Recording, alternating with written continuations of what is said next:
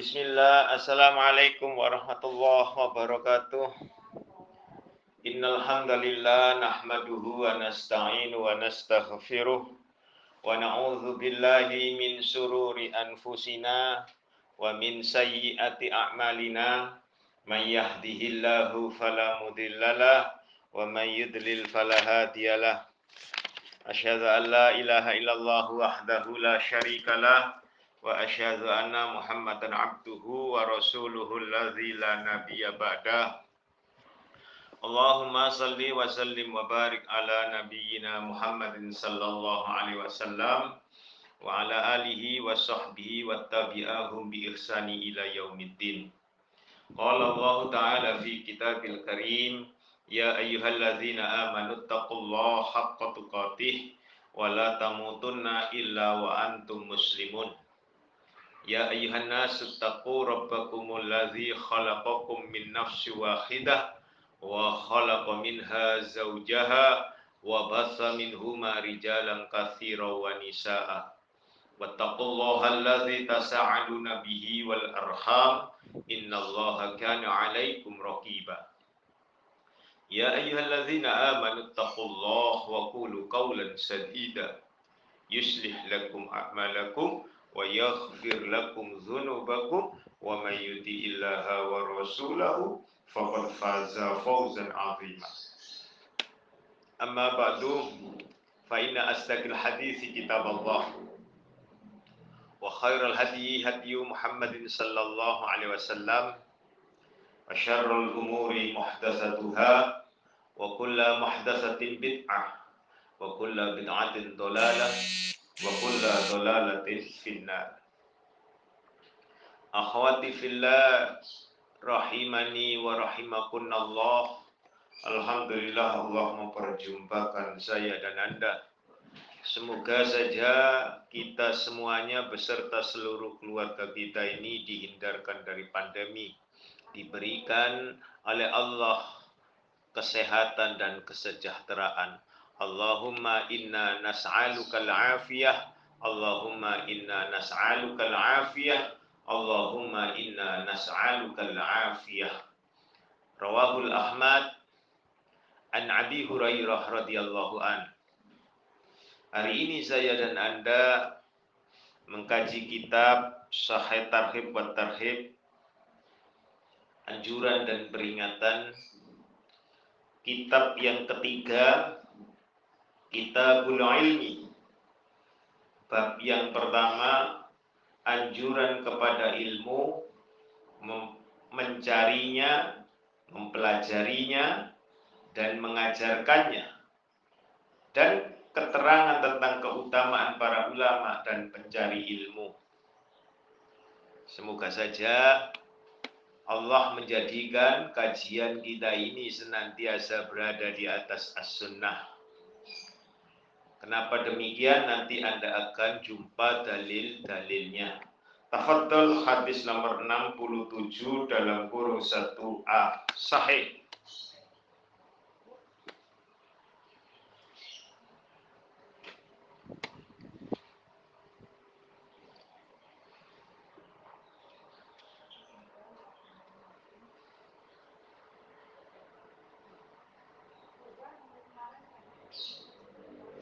Ini sudah tak? Belum tak? Bismillahirrahmanirrahim. Dari Muawiyah radhiyallahu anhu dia berkata, Rasulullah Shallallahu alaihi wasallam bersabda, Barang siapa yang dikehendaki Allah kebaikan pada dirinya, niscaya dia memahamkannya dalam agama diriwayatkan oleh Al Bukhari, Muslim dan Ibnu Majah. Iya. Ini adalah doa Rasulullah Sallallahu Alaihi Wasallam kalau di dalam Al Bukhari kepada Ibnu Abbas radhiyallahu an. Hadis ini sama dengan surat 75 Al-Qiyamah ayatnya 16 sampai dengan 19. Jadi orang itu difakihkan bukan lantaran ia lulusan Al-Madinah. Bukan lulusan dari Gontor, bukan. Ya. Surat 75 ayatnya 16 sampai 19. Jadi Allah yang memfakihkan dia lantaran ia mencari ilmu dengan betul-betul dan memperhatikan. Maka Allah akan memfakihkan dia. Ilmu itu tidak boleh terburu, kita terburu-buru di dalam uh, meraihnya. Tetapi butuh keistiqomahan. Mana buktinya tadi surat 75 ayat 16 sampai 19. Silahkan.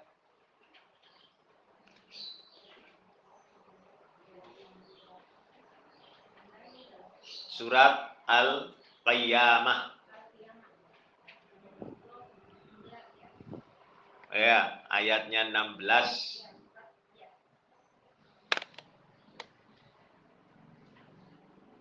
Janganlah engkau Muhammad beratkan lidahmu untuk membaca Al-Quran, karena ingin cepat-cepat menguasainya.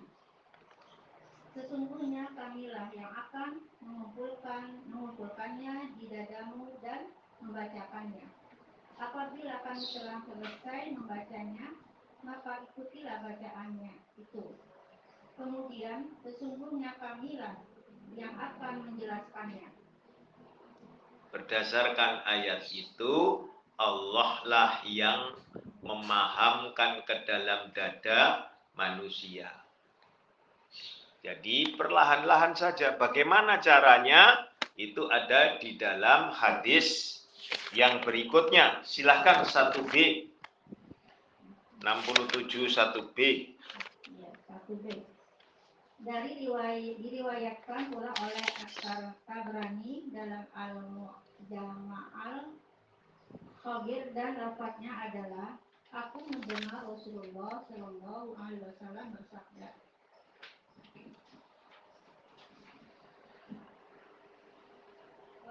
Wahai manusia, ilmu itu hanya didapatkan dengan pelajaran atau fikih itu dengan tafakur. Dan barang siapa yang dikehendaki Allah kebaikan pada dirinya, niscaya Allah memahamkannya dalam agama. Dan sesungguhnya yang takut kepada Allah di antara hamba-hambanya hanyalah ulama. Surat Al-Fakir 28. Ya. Hadis ini menerangkan bahwa bahwa ilmu itu hanya didapat dengan belajar. Jadi menolak anggapan orang sufisme bahwa Allah memberikan ilmu tanpa perlu belajar namanya ilmu laduni. Tidak ada.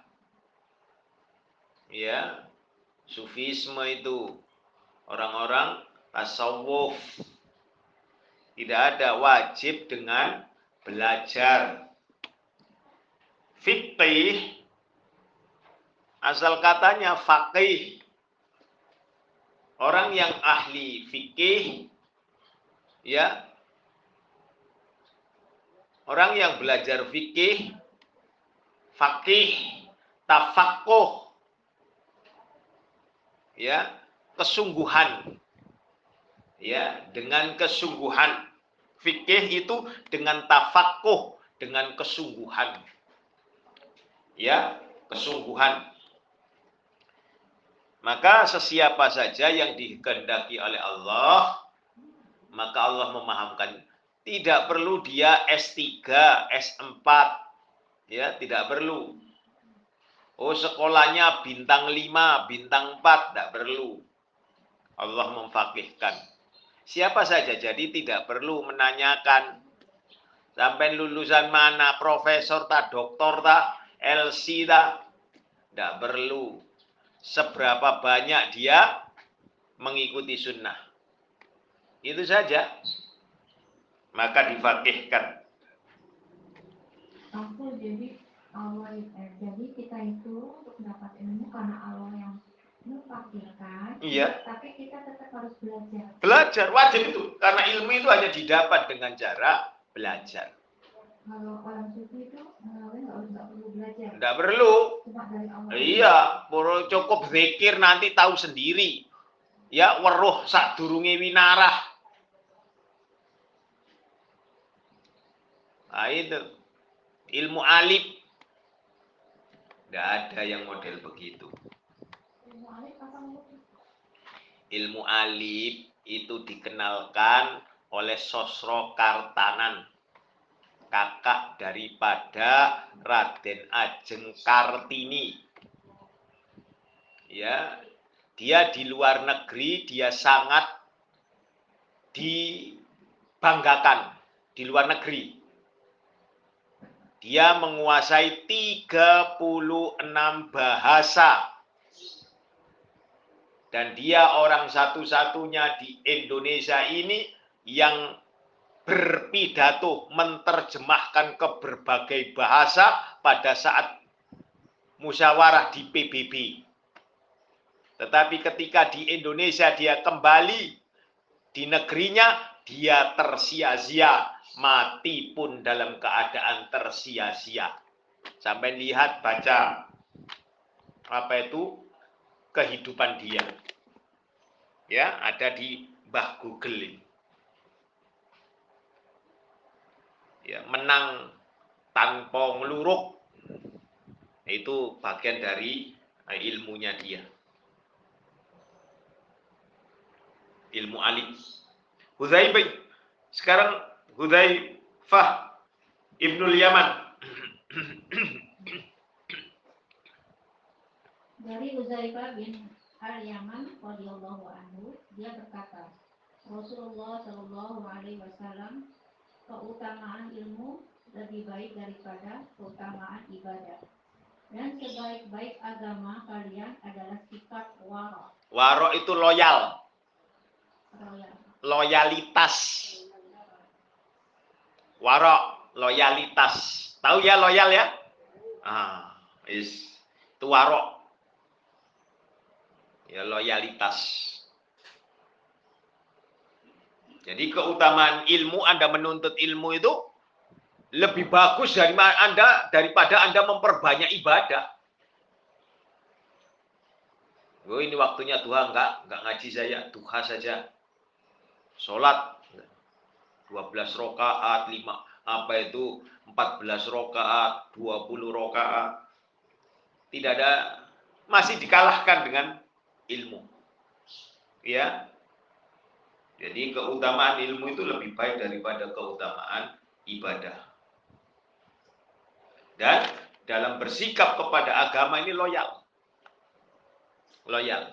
Makanya kemudian didoifkan pendapat. Ya, itu pendapat bahwa sebaik-baik sedekah itu pada hari Jumat, Jumat berkah. Ono kuwi. Itu pendapat, bukan dalil. Gitu ya. Semua hari berkah. Ya, semua hari berkah karena setiap pagi ada dua orang malaikat yang mendoakan. Yang satu, ya Allah, luaskan dan lapangkan berkahi dia jika dia bersedekah. Laknati dia jika ia tidak bersedekah. Dua malaikat. Sudah. Jadi tiap hari, mari kita jadikan tiap hari kita ini hari-hari yang penuh berkah. Ingat sedekah bukan sedekah harta saja ya, macam-macam sedekah. Silakan hadis selanjutnya dari Abu Hurairah. Dari Abu Hurairah radhiyallahu anhu berkata, Rasulullah Shallallahu alaihi wasallam bersabda, Barang siapa menghilangkan dari seorang mukmin satu kesulitan dari kesulitan-kesulitan dunia, niscaya Allah akan menghilangkan darinya satu kesulitan dari kesulitan-kesulitan hari kiamat. Barang siapa menutupi seorang muslim, niscaya Allah menutupinya di dunia dan akhirat. Barang siapa memudahkan orang yang dalam keadaan sulit, niscaya Allah memudahkan untuknya di dunia dan di akhirat. Allah selalu menolong hambanya, selama hambanya itu menolong saudaranya. Barang siapa men- meniti sebuah jalan untuk mencari ilmu, niscaya Allah memudahkan jalan ke surga untuknya. Dan tidak ada suatu kaum yang berkumpul di salah satu rumah Allah, mereka membaca kitab Allah dan saling mengajinya dan mengajinya dan ya mengkajinya di di antara mereka kecuali para malaikat meliputi mereka.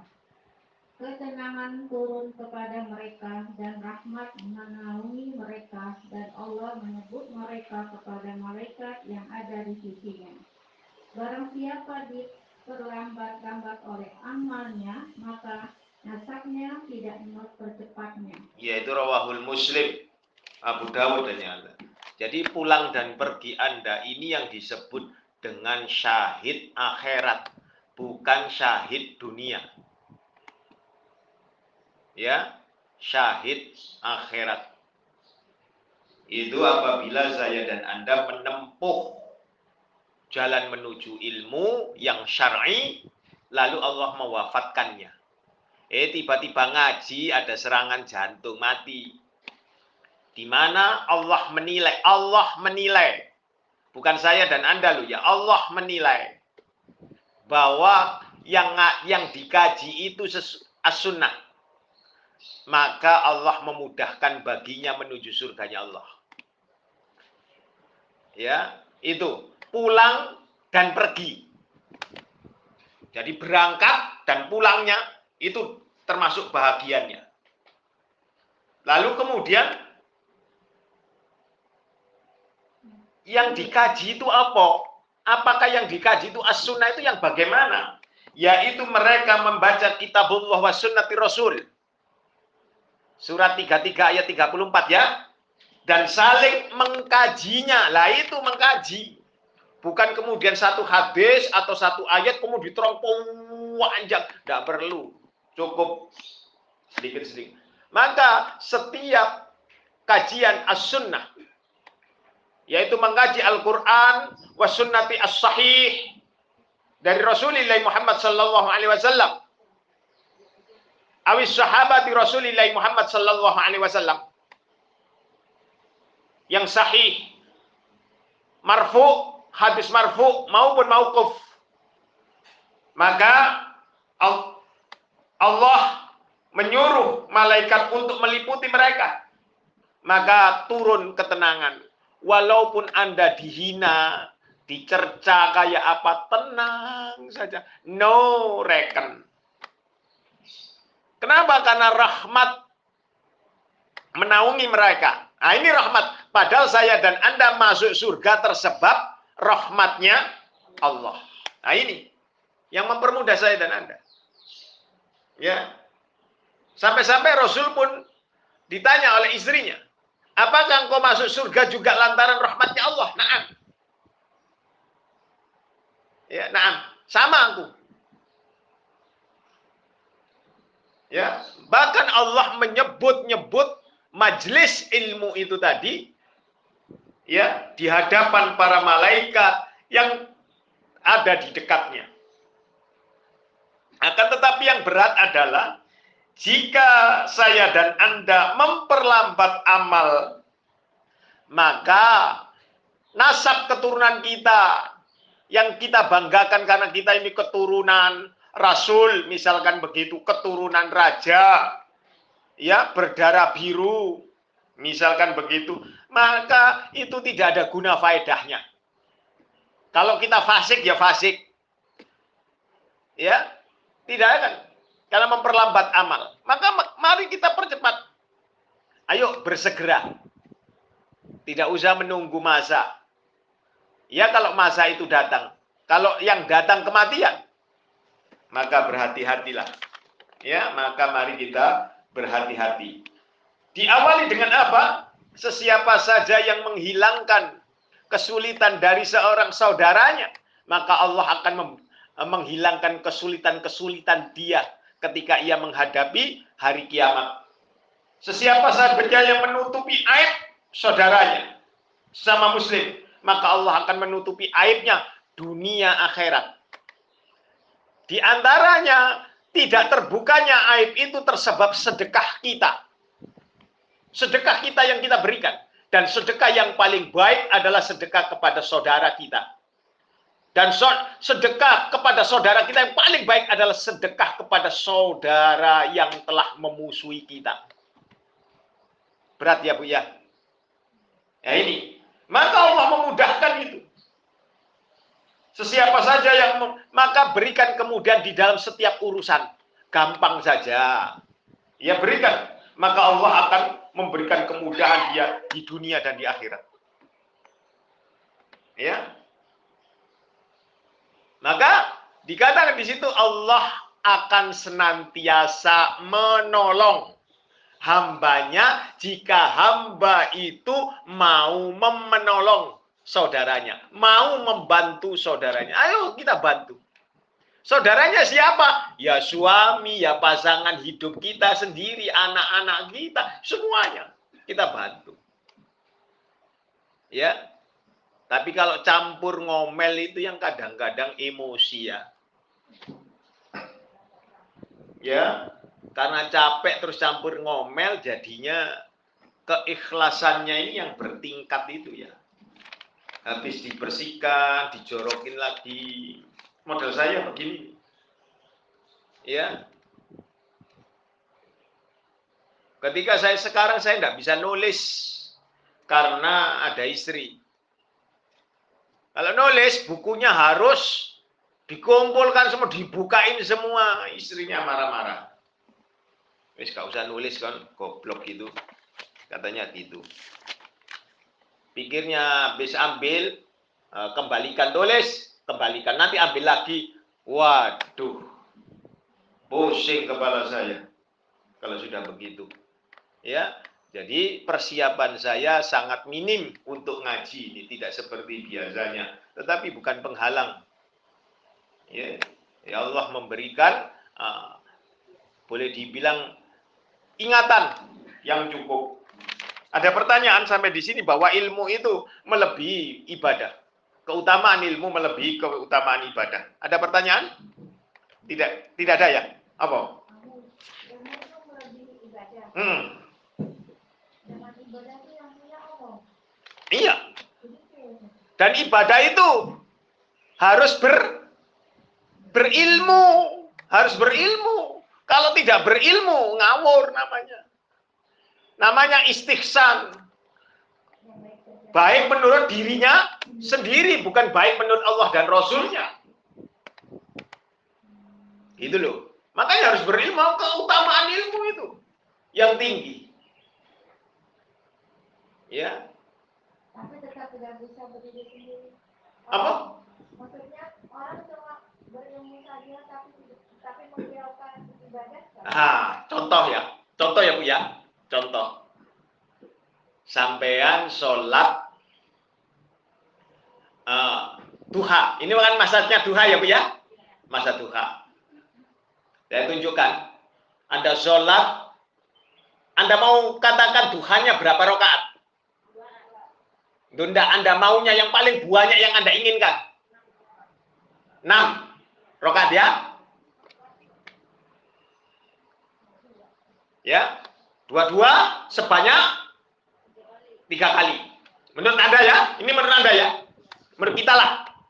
Kemudian ada orang yang berilmu. Orang yang berilmu itu sebelumnya waktu berwudu dia sikat gigi. Orang yang berilmu. Lalu kemudian dia sholat. Samalah dengan orang yang tadi melakukan enam rakaat itu satu rokaat orang yang bersiwak dengan ilmunya.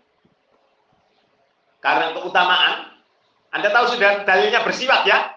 Jika tidak memberatkan umatku ya kan? Bah, bersiwak itu. Maka itu melebihi dari 50 rokaat. Satu rokaat itu melebihi dari 50 rokaat orang yang tanpa bersiwak. Lah nek dua rokaat tok, Bu. Berapa rokaat kira-kira wis paling bodoh-bodohan? 100. Banyak mana dengan yang 6? Lah iya wis pinter sampai mau S2. Tetapi saya dan Anda berdasarkan hadis tadi berat. Kalaulah tidak memberatkan umatku. Bolak-balik sikat gigi, bolak-balik sikat gigi. Wong sikat gigi itu tidak menjamin apa itu bau mulutnya segar. Betul tidak? Apa habis tetap kotak-kotak. Tetapi karena kita mengikuti sunnah Nabi Shallallahu Alaihi Wasallam, udah cukupkan itu. Ada pertanyaan? Alhamdulillah yang sudah ngaji ini setiap kali sholat berwudunya bersiwak ya. Alhamdulillah. Itu. Tetapi perlu diketahui berat nggak bu? Tidak. Hah? Tidak. Hah? Hah? Kembali lagi ke hadis tetap berat kecuali hamba yang dikehendaki. Nek sampai enteng mergo sampai ini dikehendaki oleh Allah surat 35 ayat 32 golongan yang ketiga atas izin Allah. Itu. Ngentek nodol ya Bu ya. Ayo belajar. Kalau begitu Bu, Anda membaca sholawat Nabi seribu kali. Dengan orang yang berziwak dia hanya membaca sekitar 50 kali. Tenang. Dengan orang yang seribu kali kan besosol ya, lebih cepat kan? Allahumma sholli ala Muhammad wa Muhammad, ala Ibrahim begitu. Dengan yang lima, Allahumma sholli 50 kali 50, Bu. Paling jelek sudah 2500 ibaratnya begitu. Padahal Allah melipat gandakan terserah Allah. Minimal itu 50 sudah. Nah, ada lagi.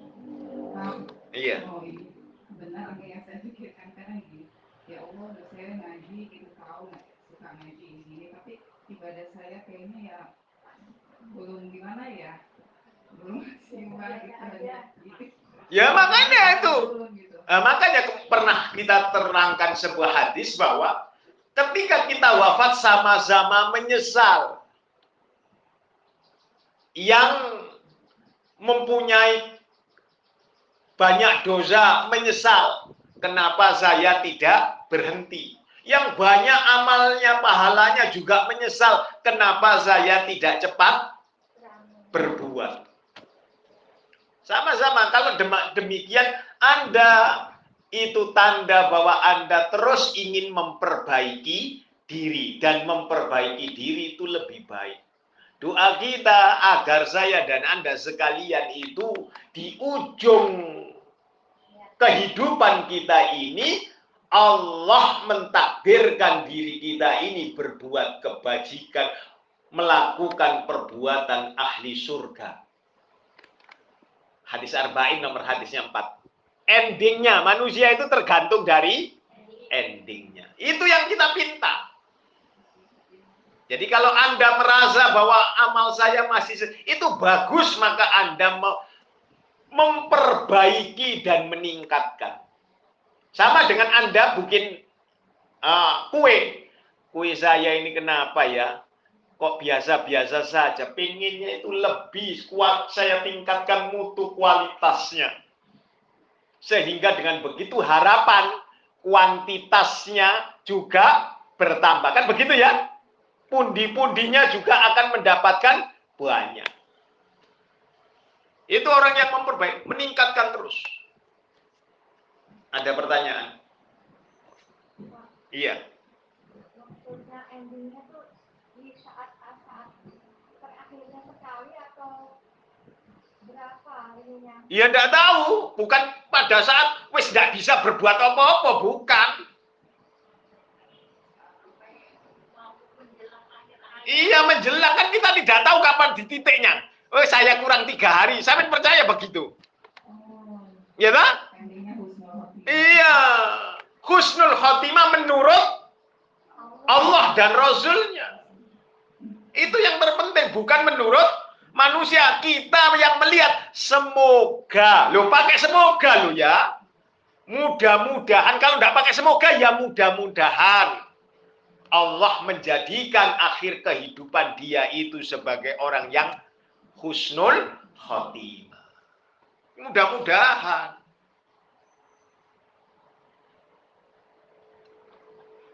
Ada lagi pertanyaan.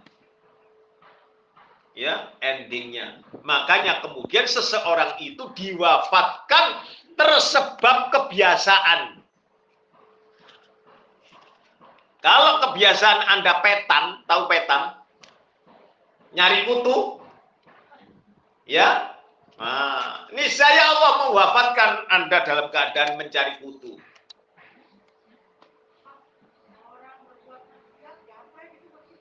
Wah iya. Jadi hati-hati. Yang saya khawatir seperti anak-anak saya ini, saya khawatiri headsetnya dipasang. Iya kalau murotal. Lah geleng-gelengnya itu sama cekikian itu lihat YouTube yang ketawa-ketawa sama yang nyanyi-nyanyi je. Ya, nah ini apa? Orang diwafatkan sesuai dengan kebiasaan. Banyak. Maka sama buka Bukhari. Ya, banyak sekali. Jadi karena ketergantungan. Anda boleh buka di dalam uh, hadis arba'in. Nomor hadisnya 4. Itu mengandung nilai yang seperti begitu. Kemarin kita bercerita mengenai eh, membahas tentang uh, iri dengki. Ya, iri dengki. Ternyata dikatakan di dalam Quran itu orang yang bercerai-berai membagi-bagi Islam menjadi kelompok-kelompok itu karena kedengkian. Itu Quran yang jawab ya. Kemudian kedengkian iri dengki ini juga merupakan penyakit hati. Quran yang berbicara yang seperti itu.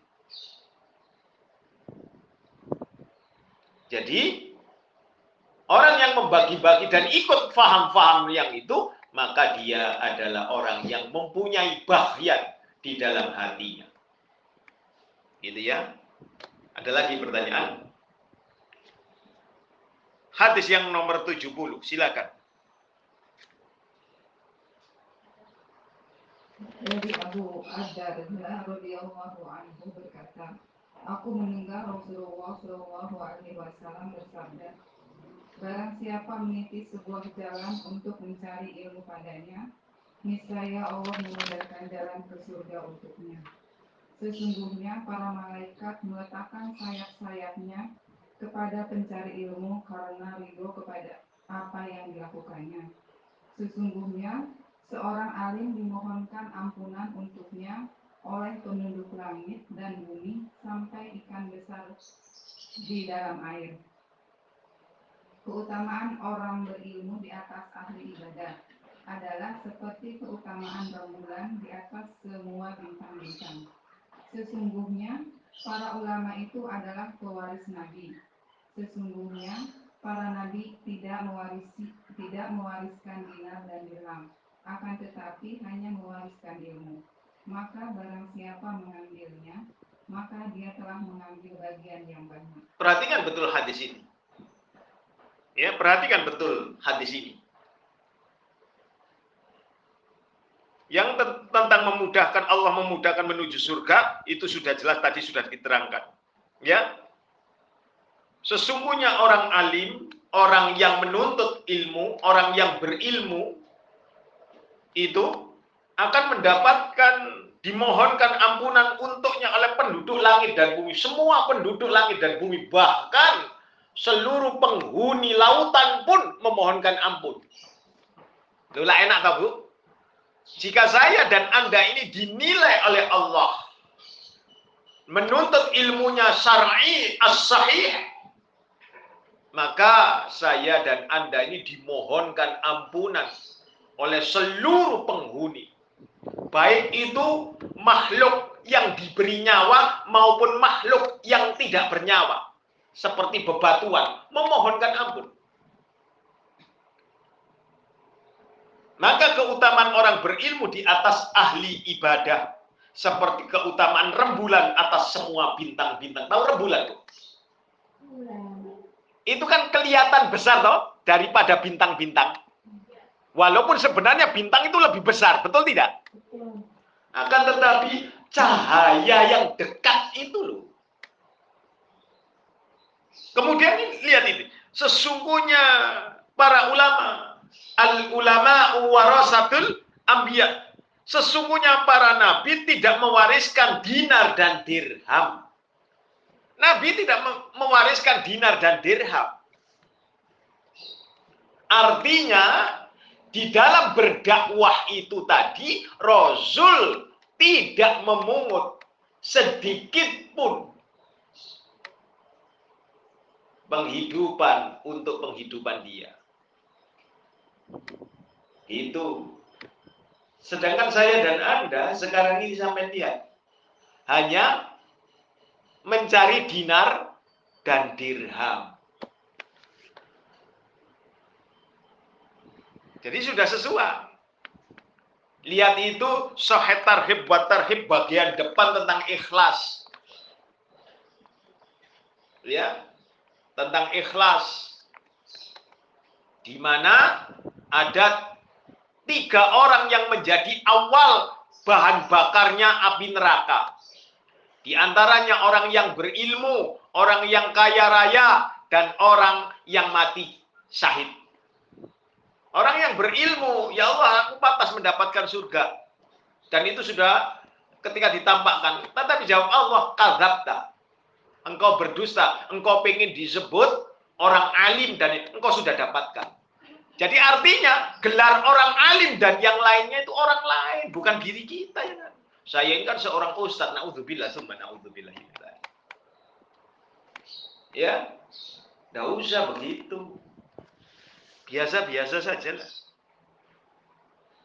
Maka sesiapa saja yang mengambilnya ilmu agama itu, maka dia telah mengambil bahagian yang banyak.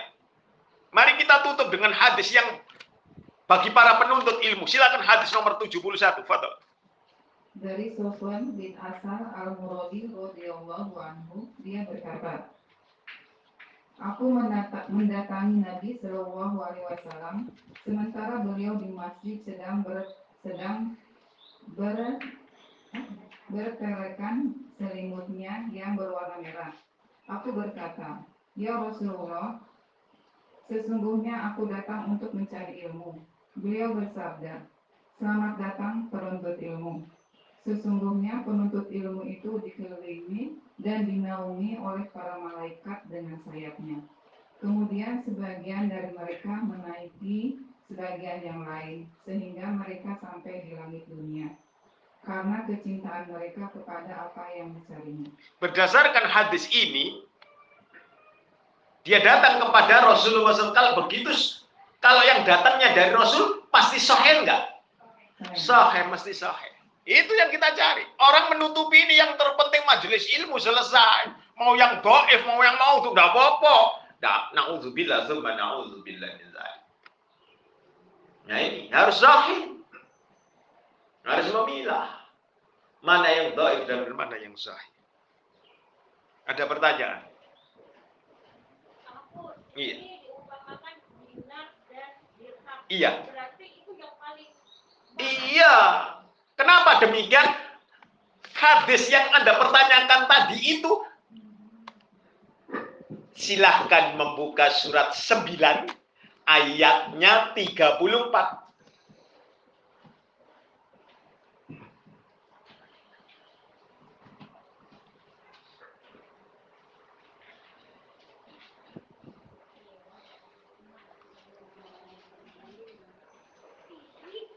Ketemu Bu? Ya, silakan baca. Pertanyaan yang bagus ya, pertanyaan yang bagus. Semuanya hari bagus-bagus semua pertanyaannya. Tidak ada yang buruk. Wahai orang-orang yang beriman, sesungguhnya banyak dari orang-orang alim atau Yahudi Banyak, banyak loh ya Bu di situ ya. Ya, Banyak orang alim dari Yahudi dan Nasrani. Teruskan. Nasrani. Benar-benar memakan harta orang dengan jalan yang batil. Dan mereka menghalang-halangi manusia dari jalan Allah. Dan orang-orang yang menyimpang, menyimpan emas dan perak serta tidak menginfakkannya di, di jalan Allah, maka sampaikanlah kabar gembira kepada mereka dengan azab yang pedih. Jadi seharusnya kan ditakut-takuti ya Bu ya. Tetapi diberikan kabar gembira. Loh, azab kok kabar gembira? Kalau gitu kan dipastikan dia mendapat azab. Benar nggak? Nauzubillah, summa nauzubillah. Jadi berapa banyak orang yang model saya begini ini mencari apa Bu? Untuk kebahagiaan dirinya sendiri memakan harta dari orang lain dengan cara yang batil. Caranya yang batil itu apa? Menghalalkan yang haram dan mengharamkan yang halal. Dengan cara apa? Yang tauhid dikatakan syirik, yang syirik dikatakan tauhid. Yang sunnah dikatakan bid'ah, yang bid'ah dianggap sunnah. Banyak enggak? Banyak. Terjadi enggak? Terjadi ya. Nah, sampai di sini. Ada dulu, ada pertanyaan lagi? Sebelum kita memasuki Riyadus Shalihin. Enggak ada? Alhamdulillah kita memasuki session yang kedua Riyadus Shalihin.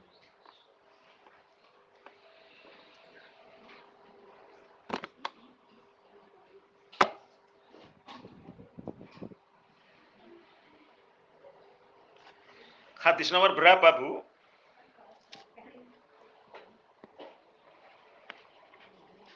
Bab 34 ya?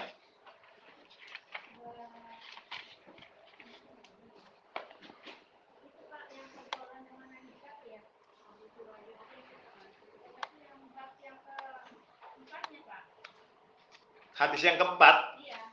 Iya. Iya. Berlaku baik kepada wanita ya, berlaku ya.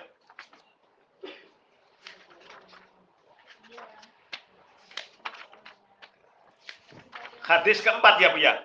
Dari Amr bin Al Al Al Ahwas ya. Ya.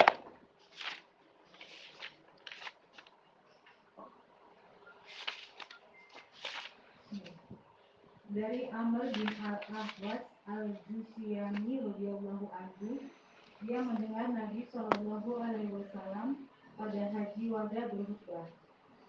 Setelah beliau memanjatkan pujian sanjungan kepada Allah Ta'ala dan selesai memberi peringatan dan nasihat, beliau bersabda, Ingatlah, berpesan baiklah terhadap istri-istri kalian.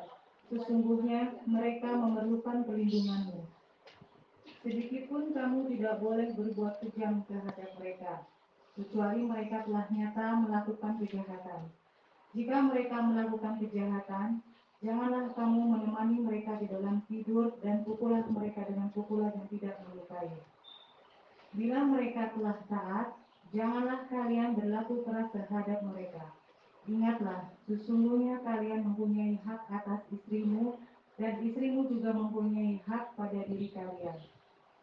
Hak kamu atas mereka yaitu tidak boleh memasukkan orang yang tidak kamu sukai ke dalam kamarmu dan tidak mengizinkan orang yang tidak kamu sukai masuk ke dalam rumahmu. Ingatlah, hak mereka atas kamu adalah kamu bergaul dengan cara yang baik terutama dalam memberi pakaian dan makanan.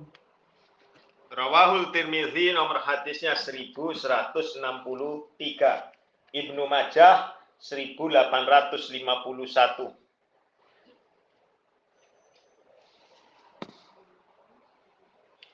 Hadis ini berkenaan dengan surat 4 ayat 34. Jadi yang disebut sana memukul itu tidak boleh menyakiti, tidak boleh melukai. Ya, surat 4 ayat 34 yang dimulai dengan ar-rijalu qawwamuna 'alal nisa. Ya. Tidak boleh menampar wajah istrinya, tidak boleh. Tidak boleh disakiti. Kalau mau bisa-bisa saja, ngapain susah-susah? Ya. Tidak boleh mencari kesalahan-kesalahan. Wis biarkan. Karena apa? Kesalahan-kesalahan yang lampau, yang sudah terjadi, itu sudah koda rullah. Ke depan kita perbaiki. Nasihat itu bukan dengan marah-marah, tetapi nasihat itu dengan berlapang dada, dengan bersabar, menasehatinya dengan perlahan, tidak dengan marah. Karena orang yang dinasehati dan yang menasehati dalam keadaan marah ya tidak masuk. Orang menasehati dalam keadaan marah itu tidak selalu betul apa yang dinasehatkan. Karena pikirannya kacau. Makanya kemudian sakinah itu perlu. Tahu ya sakinah? Ketenangan, ketentraman itu.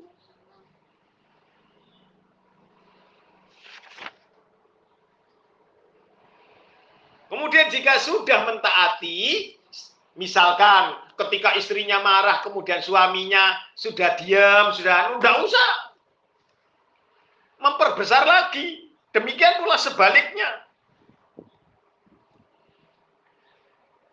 Ya.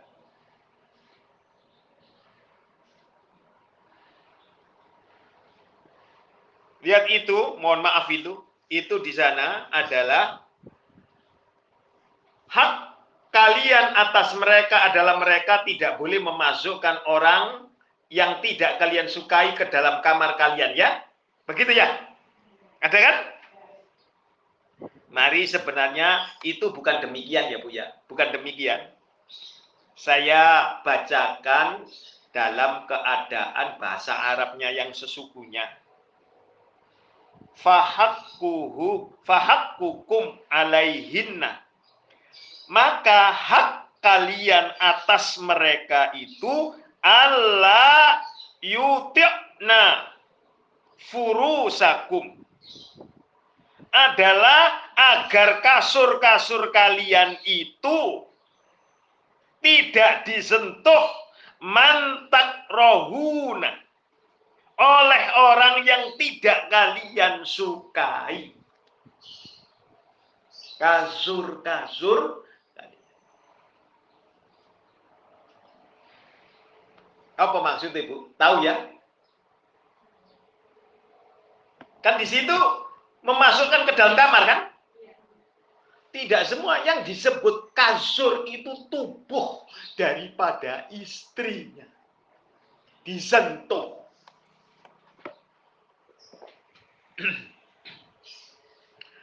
Mungkin di antara Anda pernah bekerja pada sebuah company atau manufaktur atau factory, ya, perusahaan. Lalu anda sebagai seorang wanita yang bekerja, kan sudah ketemu kawan-kawan yang laki-laki dan perempuan. Ya betul nggak Bu? Ya.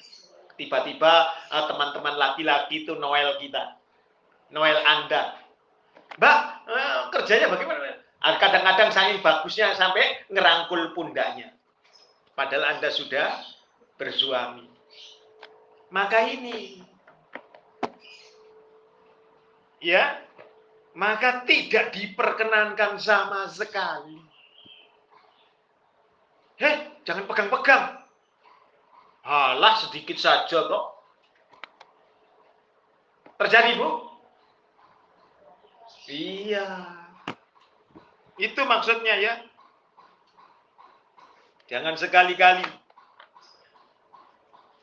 Berat itu.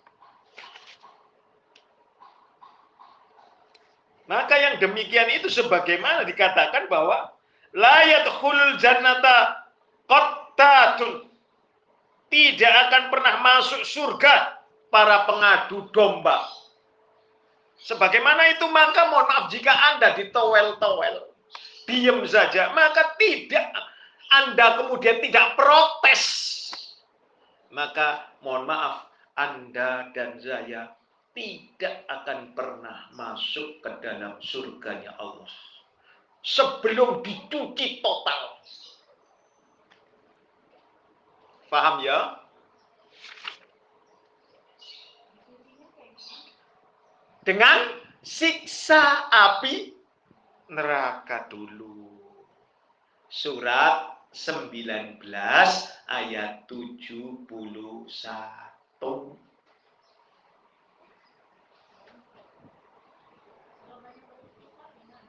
Apa? Lah beristighfar tapi sampai diem saja di toel-toel.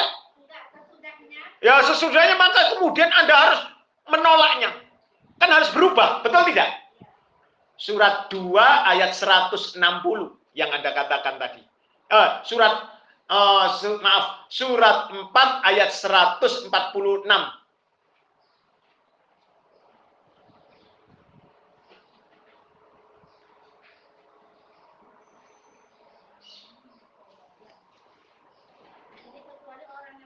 Iya, kecuali orang yang tadi sampai istighfar kan?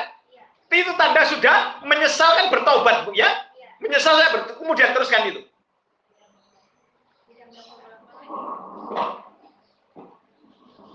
Coba. Kecuali orang-orang yang bertobat dan memperbaiki diri. Ya memperbaiki diri. Kalau diri tidak tidak mengulang. Berjaga diri. Tidak mengulangi tadi. Berjaga diri menjaga diri. Teruskan dan berpegang teguh pada agama Allah dan mengikhlaskan agama mereka karena Allah. Maka mereka itu bersama-sama orang-orang yang beriman dan kelak Allah akan memberikan pahala yang besar kepada orang-orang yang beriman. Itu. Jadi ikut aturan. Saya, seperti yang kita yang lalu, itu Pak, iya. bertobat gitu. Iya, tanda. Kita menyesal saja sudah tanda bertobat. Menyesal saja. Belum istighfar ini, menyesal. Aduh, tubuh saya hari ini dijamak. Astagfirullah. Ketika hari ini saya dijamak, atau aduh, begitu saja, itu sudah merupakan penyesalan. Itu sudah merupakan bagian dari istighfar. Ditambah lagi dengan istighfar. Tambah bagus lagi. Apa?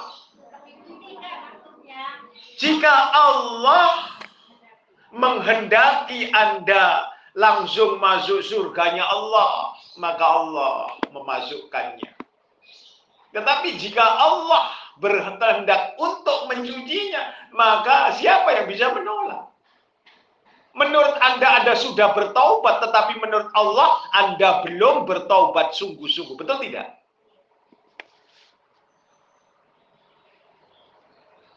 Siapa sih yang berbuat kepada saya ini, ya, ain kepada saya, padahal saya ini selalu berbuat baik sama orang preketek. Semua orang itu akan membaguskan dirinya masing-masing. Ada Pak? Ada pertanyaan? ya bohong. Bahwa manusia itu selalu membaguskan dirinya masing-masing. Aku kalau itu kan sengaja ya. Iya, Nah kalau dokter perempuan gimana? Kan memang Makanya Bu, mohon maaf lu ya, mohon maaf sekali. Termasuk saya ini banyak dosa.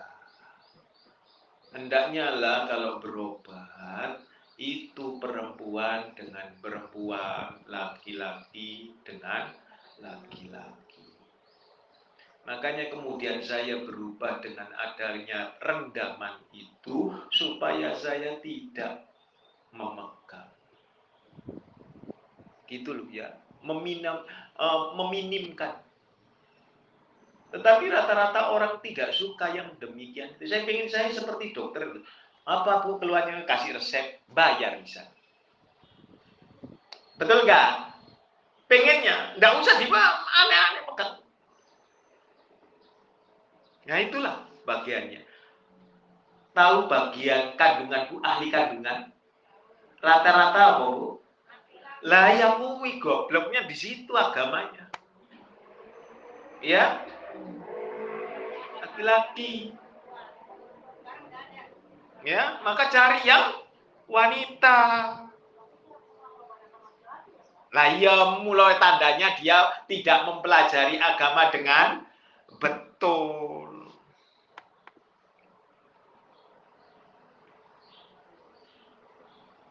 Gitu ya. Nah, yuk, apa Pak, Apa preketek ta? Apa? kan ya. Iya, betul. Tidak boleh. Raja kuwi. Ya, makanya Allah banyak mengampunkan dosa-dosa kita. Pak, kan aku udah nenek-nenek Pak. Nenek-nenek itu hanya pakaiannya, Bu, ya. Surat 24 ayat 60 sampai buka. Mung pakaian duduk cewel-cewelnya duda. Sampai walaupun nenek-nenek sih dianggap sedep, Bu. 24 60. Amin buka. Iya, yang merasa tua lu ya. Yang merasa tua yuk. Berarti Pak, Iya, monggo. dan para perempuan tua yang telah berhenti dari haid dan mengandung yang tidak berasrat menikah lagi, maka tidak ada dosa menanggalkan pakaian atau luar mereka dengan tidak bermaksud menampakkan perhiasan.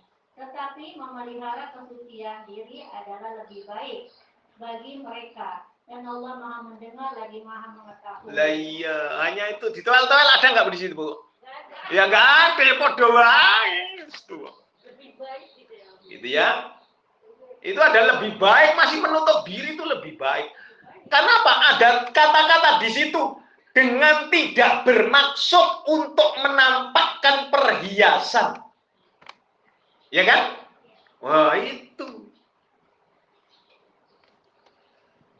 Ya. Nah. Bu, Ibu sudah cantik. Semoga saja cantik ibu menurut suami ibu ini sampai nanti dianggap cantik oleh Allah. Ya, kenapa demikian pasti dimasukkan surganya Allah. Bidadari tidak ada yang jelek masalahnya Bu ya. Ada lagi pertanyaan? Iya. Eh, kan nanti semuanya kan masuk neraka belum kalau Eh, belum tentu sudah. Memangnya sampai minta toh? Nanti dikabulkan loh ya, aja. Ya, ya. Wis. Loh, kata siapa? Mana dalilnya? Sahabat itu yang dijamin masuk surga, dijamin masuk surga bukan dijamin tanpa melewat neraka loh Bu ya. Ya, bukan langsung loh, jangan punya pikiran langsung loh ya Bu ya. Sama, bahkan hadis Rasulullah, ada orang yang aku cintai melebihi kalian para sahabatku. Ya Rasulullah, siapa dia? Yang engkau lebih cintai daripada kami, padahal kami berjuang berserta engkau. Yaitu orang yang tidak pernah melihat aku. Dan belum pernah mengenalku sama sekali, akan tetapi dia beriman kepadaku. Ya, nah itu. Termasuk Anda pernah ketemu Rasulullah enggak? Mengenal beliau dengan baik enggak? Tidak. Tetapi Anda beriman dengan kepada Rasulullah enggak? Maka Anda lebih baik dari. Mari saya dan Anda ini berlomba-lomba.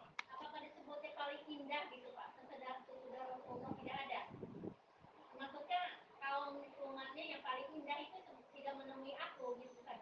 Bukan, tetapi paling baik. Khairah ummah. Siapa mereka yang khairah ummah? Anda dan saya membuka surat 3 ayat 110 itu yang untuk umum.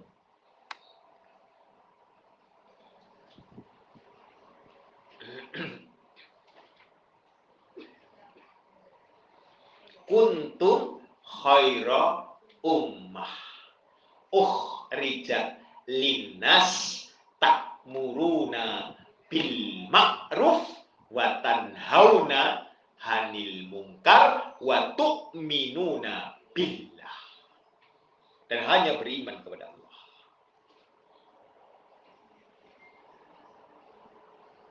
Ya. Tetapi apa? Anda senantiasa mengajak orang. Ibu pernah umroh dan haji dulu ketika ayo sholat, ayo sholat. Sekarang kalau di Indonesia ini kan nggak pernah gitu ya Bu ya.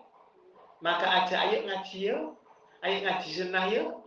Ah, enggak di sana gini gini segala macam nggak boleh. Ah, maka Anda mendoakan dengan hada Allah, hada kilah. Semoga Allah menunjukimu. Ya, atau semoga Allah memberi petunjuk kepadamu. Hada kilah. Sesama wanita.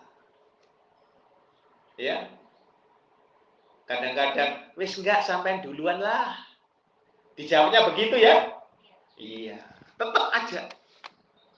Ayo Bu, ngaji hadis itu sudah menjauh orang. Ya, nah itu saja. Maka Anda adalah sebaik-baiknya umat yang belum pernah jumpa dengan Rasulullah, belum pernah lihat wajahnya, belum pernah dengar suaranya. Tetapi Anda dan saya mengimani beliau sebagai Rasul. Ya, saya menuliskannya di dalam buku saya ingin saya ingin selesaikan buku saya itu dalam judul mengimani Rasulullah Muhammad Sallallahu Alaihi Wasallam sebagai bentuk syahadatul Rasul. Dan itu sangat berat, sangat berat. Kalau anda eh, mengkaji yang semalam saya share yaitu tentang iri dan dengki, niscaya Anda akan paham bahwa orang Yahudi dan Nasrani itu membenci kita karena ada bahyan. Jadi semua orang yang membenci as-sunnah, maka mereka itu karena ada bahyan. Tahu bahyan ya? Kedengkian. Hasad, hasut, iri, dengki ada bahaya. Ya. Nah. Ada pertanyaan lagi? Tadi pertanyaan ada salah seorang ummu tadi, saya tidak mengenal, gitu ya, e, karena suaranya.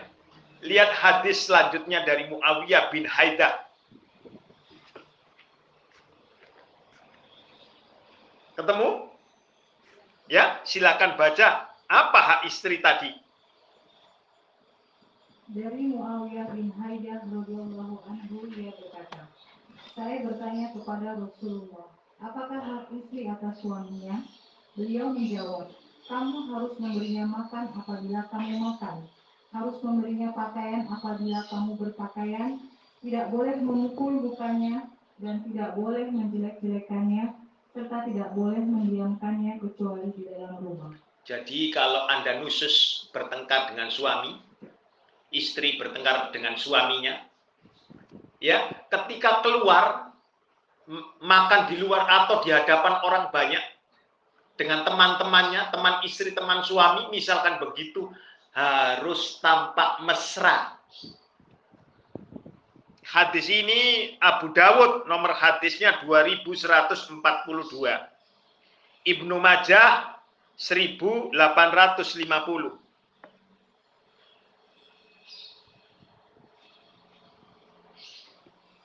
Dan riwayat Ahmad ada di beberapa tempat. Ya. Abu Dawud juga ada di dalam 2144. Nah, tapi secara pendek. Yang panjang itu di 2142. Yang susah pertama mari kita bahas itu susah memberi makan ya kepadanya jika kamu makan. Jadi memberi makanan yang setara. Artinya apa? Ketika Anda dan saya seperti saya ini diajak orang makan enak, itu hendaknya lah berkata di dalam hatinya dan atau dirinya sendiri. Apakah istri saya dan anak saya ini makan sama dengan saya yo? Ketika diajak di hotel makan di hotel apa begitu? Pernah begitu para suami? Kemarin dijawabnya tidak pernah loh ya. Jadi istighfar lagi, salah lagi. Makanya kalau boleh bungkus no. Kalau ada dekat dengan istri, bungkus no. Untuk istri di rumah, gitu ya. Uh, kalau perlu, maaf saya tidak makan di sini ya. Nanti kalau boleh saya bungkus, biar saya makan dengan istri. Hah? Uh, uh, ya, lalu memberi pakaian. Minimal itu minimal itu sama. Artinya dari kain yang sama itu minimal. Yang bagus ya yang lebih baik lagi. Karena wanita boleh pakai sutra, sedangkan laki-laki nggak boleh pakai sutra kan? Maka cari yang bagus untuk istri. Itu lebih baik. Tidak memukul wajahnya, menamparnya tidak boleh. Yang berat juga tidak boleh menjelek-jelekan dirinya. Nah ini, istri saya itu koprok. Sudah tidak menggairahkan saya lagi. Sudah na'udzubillah Tidak boleh. Is, orang masakan yang paling enak kecuali istri saya. Dipuji begitu walaupun rasanya ngalor ngidul. Pernah sampai dipuji bu masakan sampai? Iya, alhamdulillah yang sering suami. Ya, ini mana suaminya? Tidak ada yang ngaji ya. Semoga saja nanti dengar. Oh, pernah masak. Ya yang lain, memuji yang lain. Ya, memuji yang lain aja direken masak tak wae. Memuji yang lain. Bodinya istriku, masya Allah, Tuh, enggak ada orang yang semlohe selain istriku. Iya kan? Ah, koyok gitar Spanyol padahal gak duwe gitar Spanyol. Ya, padahal bentuknya sudah kotak-kotak wis piano. Pokoknya di hadapan wis wah, itu yang berat. Karena apa? Mata laki-laki ini diberi zuyina linasi hubbus syahawati minan nisa. Itu masalahnya. Tidak boleh menjelek-jelekan. Jadi wedok itu tuh dipuji terus. Ya, serta tidak menjauhinya. Ya, kecuali di dalam rumah. Di rumah ini e, pisah ranjang karena nusus. Tetapi begitu keluar rumah tidak digandeng. Digandeng. Diajak Ayo, mah, Bisa kira-kira masih bengkerengan musuhan tetapi di luar baik begitu. Bisa nggak? Berat ya? Berat. Berat wis Tetap mau aku gak aku begitu. Ya. Makanya itu berdasarkan hadis ini menerangkan surat 4 ayat 34. Ya, hadis ini dua hadis yang tadi ini menerangkan tadi surat 4 ayat 34. Mari saya dan Anda, ini haknya suami ini. Seharusnya ini kalau ada suami, semoga saja para suami ini mendengarkan kajian kita hari ini. Silakan hadis dari Abu Hurairah. Dari Abu Hurairah radhiyallahu anhu ia berkata, Rasulullah Shallallahu alaihi wasallam Orang mukmin yang paling sempurna imannya adalah orang yang paling baik di kekasihnya. Dan orang yang paling baik di antara kalian adalah orang yang paling baik terhadap istrinya. Iya. At-Tirmizi nomor hadisnya 1162. 1162.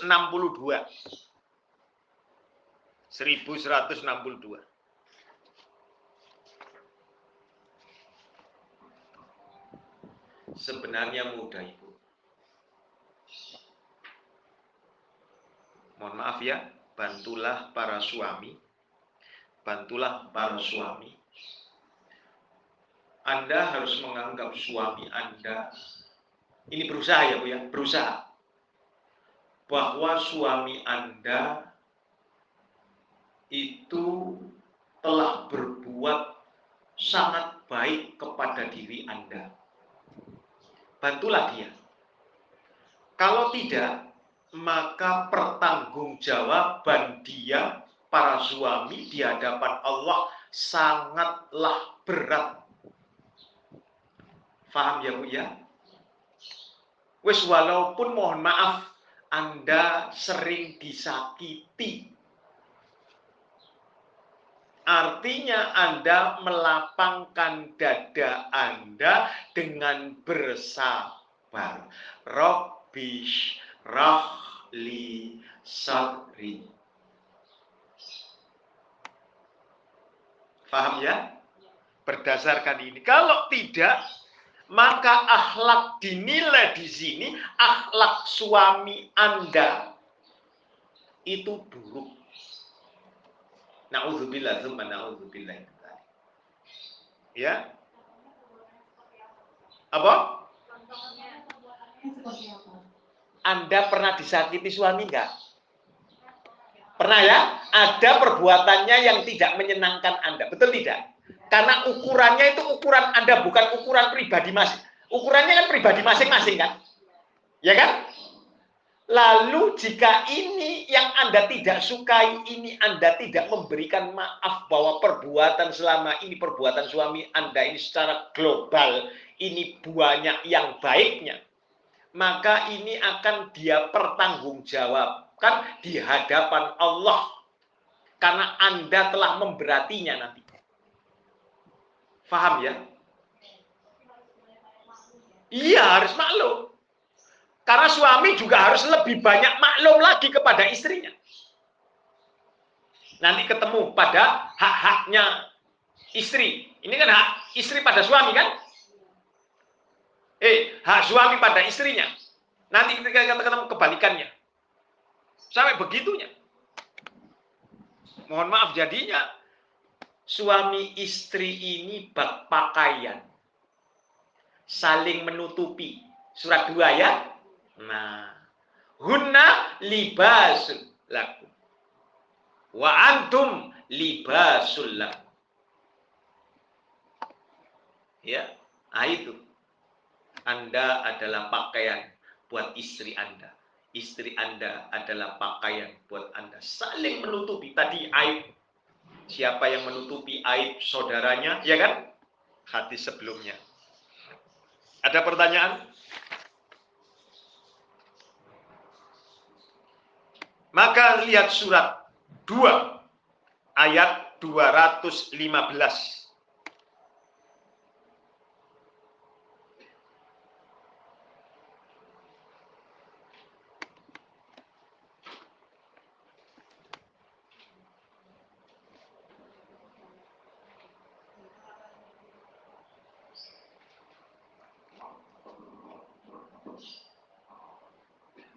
Silakan.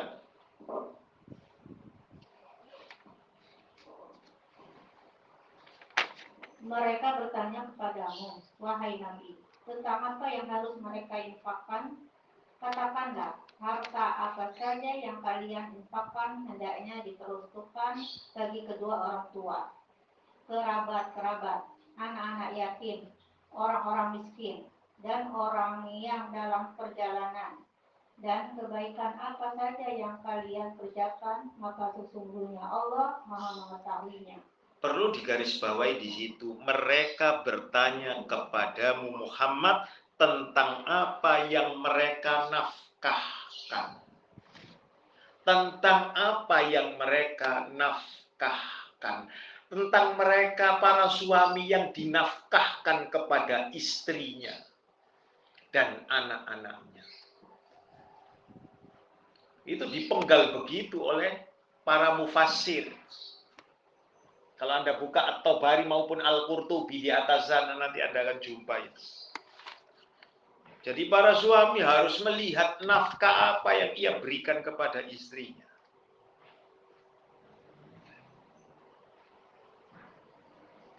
Maka inilah yang disebut iman karena iman itu bertingkat-tingkat.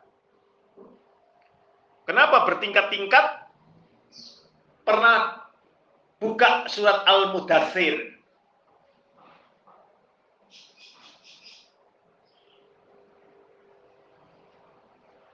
Iman kan bertambah dan berkurang kan? Ayatnya 31. Mudathir. Surat keberapa itu? 60 berapa? 70 berapa?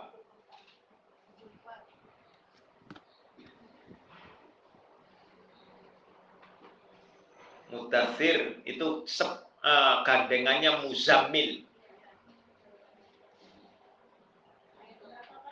Ayatnya 31.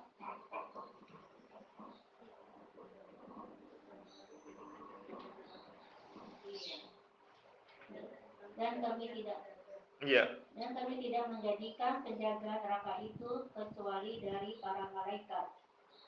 Dan kami tidak menentukan bilangan mereka kecuali sebagai cobaan bagi orang-orang kafir.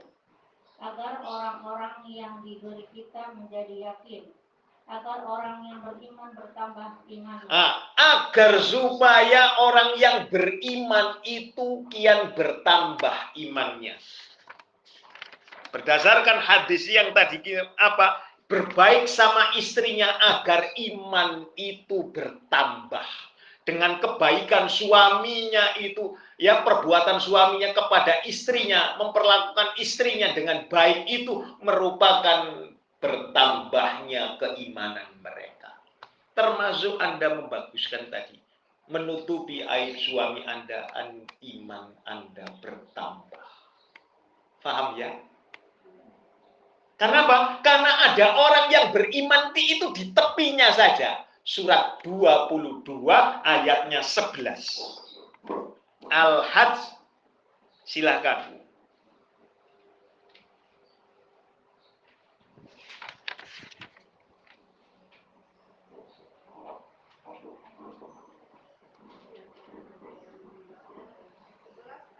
Iya, ayat 11. Silakan. Karena ada dan di antara manusia itu ada yang menyembah Allah berada di tepinya saja. Ya, Ya kan? ya. Nah itu imannya ada di tepi. Ya, bagaimana bisa merasakan nikmatnya iman, lezatnya iman, oh, dia berimannya di tepi. Wis pokoknya iman. Repot sudah kalau sudah begitu. Ya, makanya kemudian Rasulullah Shallallahu Alaihi Wasallam bersabda, khairukum sebaik-baiknya kalian itu adalah khairukum li ahli, yaitu kebaikan kalian untuk keluarga kalian sendiri. Sebaik-baik kalian itu adalah yang paling baik bagi keluarganya.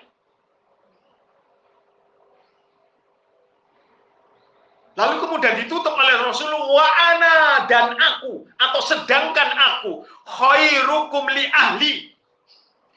Sebaik-baiknya orang di antara kalian yang paling baik kepada keluargaku. Aku ini adalah orang yang paling baik di antara kalian. Kan Rasul kan paling baik di antara kita, betul tidak? Dan beliau itu paling baik kepada keluarganya. Jadi artinya apa? Saya dan Anda disuruh mensuri tauladani Rasulullah Muhammad Sallallahu Alaihi Wasallam. Artinya bahwa sebaik-baiknya diri kita adalah yang paling baik kepada keluarganya. Termasuk suami. Harus paling baik kepada istri dan anaknya. Tetapi kadang-kadang yang mohon maaf, emosi ini loh ya. Setannya banyak memangnya. Makanya buahnya harus istighfar karena setan surat 7 ayat 17 ini dari depan, belakang, kanan, dan kiri. Betul-betul pengganggu. Suaminya tidak mau ngikuti sunnah. Jangan dipaksa, doakan. Jangan dicarca. Anda mengikuti sunnah kemudian dicaci maki oleh istri, asal suami Anda, diamkan tolak dalam hati ya Allah kapan suamiku dapat hidayah? Ya Allah. Begitu. Dengan doanya apa? Hadahullah. Semoga dia diberi petunjuk oleh Allah. Semoga Allah memberinya petunjuk. Boleh. Ada pertanyaan? Ha, iya. Min azwajina. Itu adalah doa suami kepada istri dan keluarganya. Tetapi istri boleh berdoa dengan begitu. Sebaiknya yang paling betul adalah menempatkan di sini adalah suami. Karena hablana min azwajina. Ya. Itu ya. Wa dzurriyyatina dan anak keturunan. Gitu ya, dan anak keturunan yang kurrota ayun penyejuk mata cindera mata penyejuk jiwa penentram jiwa kalau orang sudah lihat apa dengan mata bagus hati menjadi tentram. Tidak ada kurangnya. Ya ada lagi pertanyaan? Hadis terakhir silakan.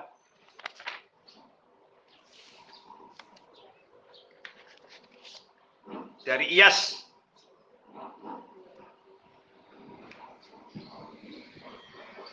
Hadis nomor 7 dari Iyas bin Abdullah bin Abu Jubair radhiyallahu anhu ia berkata Rasulullah Shallallahu Salam bersabda Janganlah kamu memukul kaum wanita.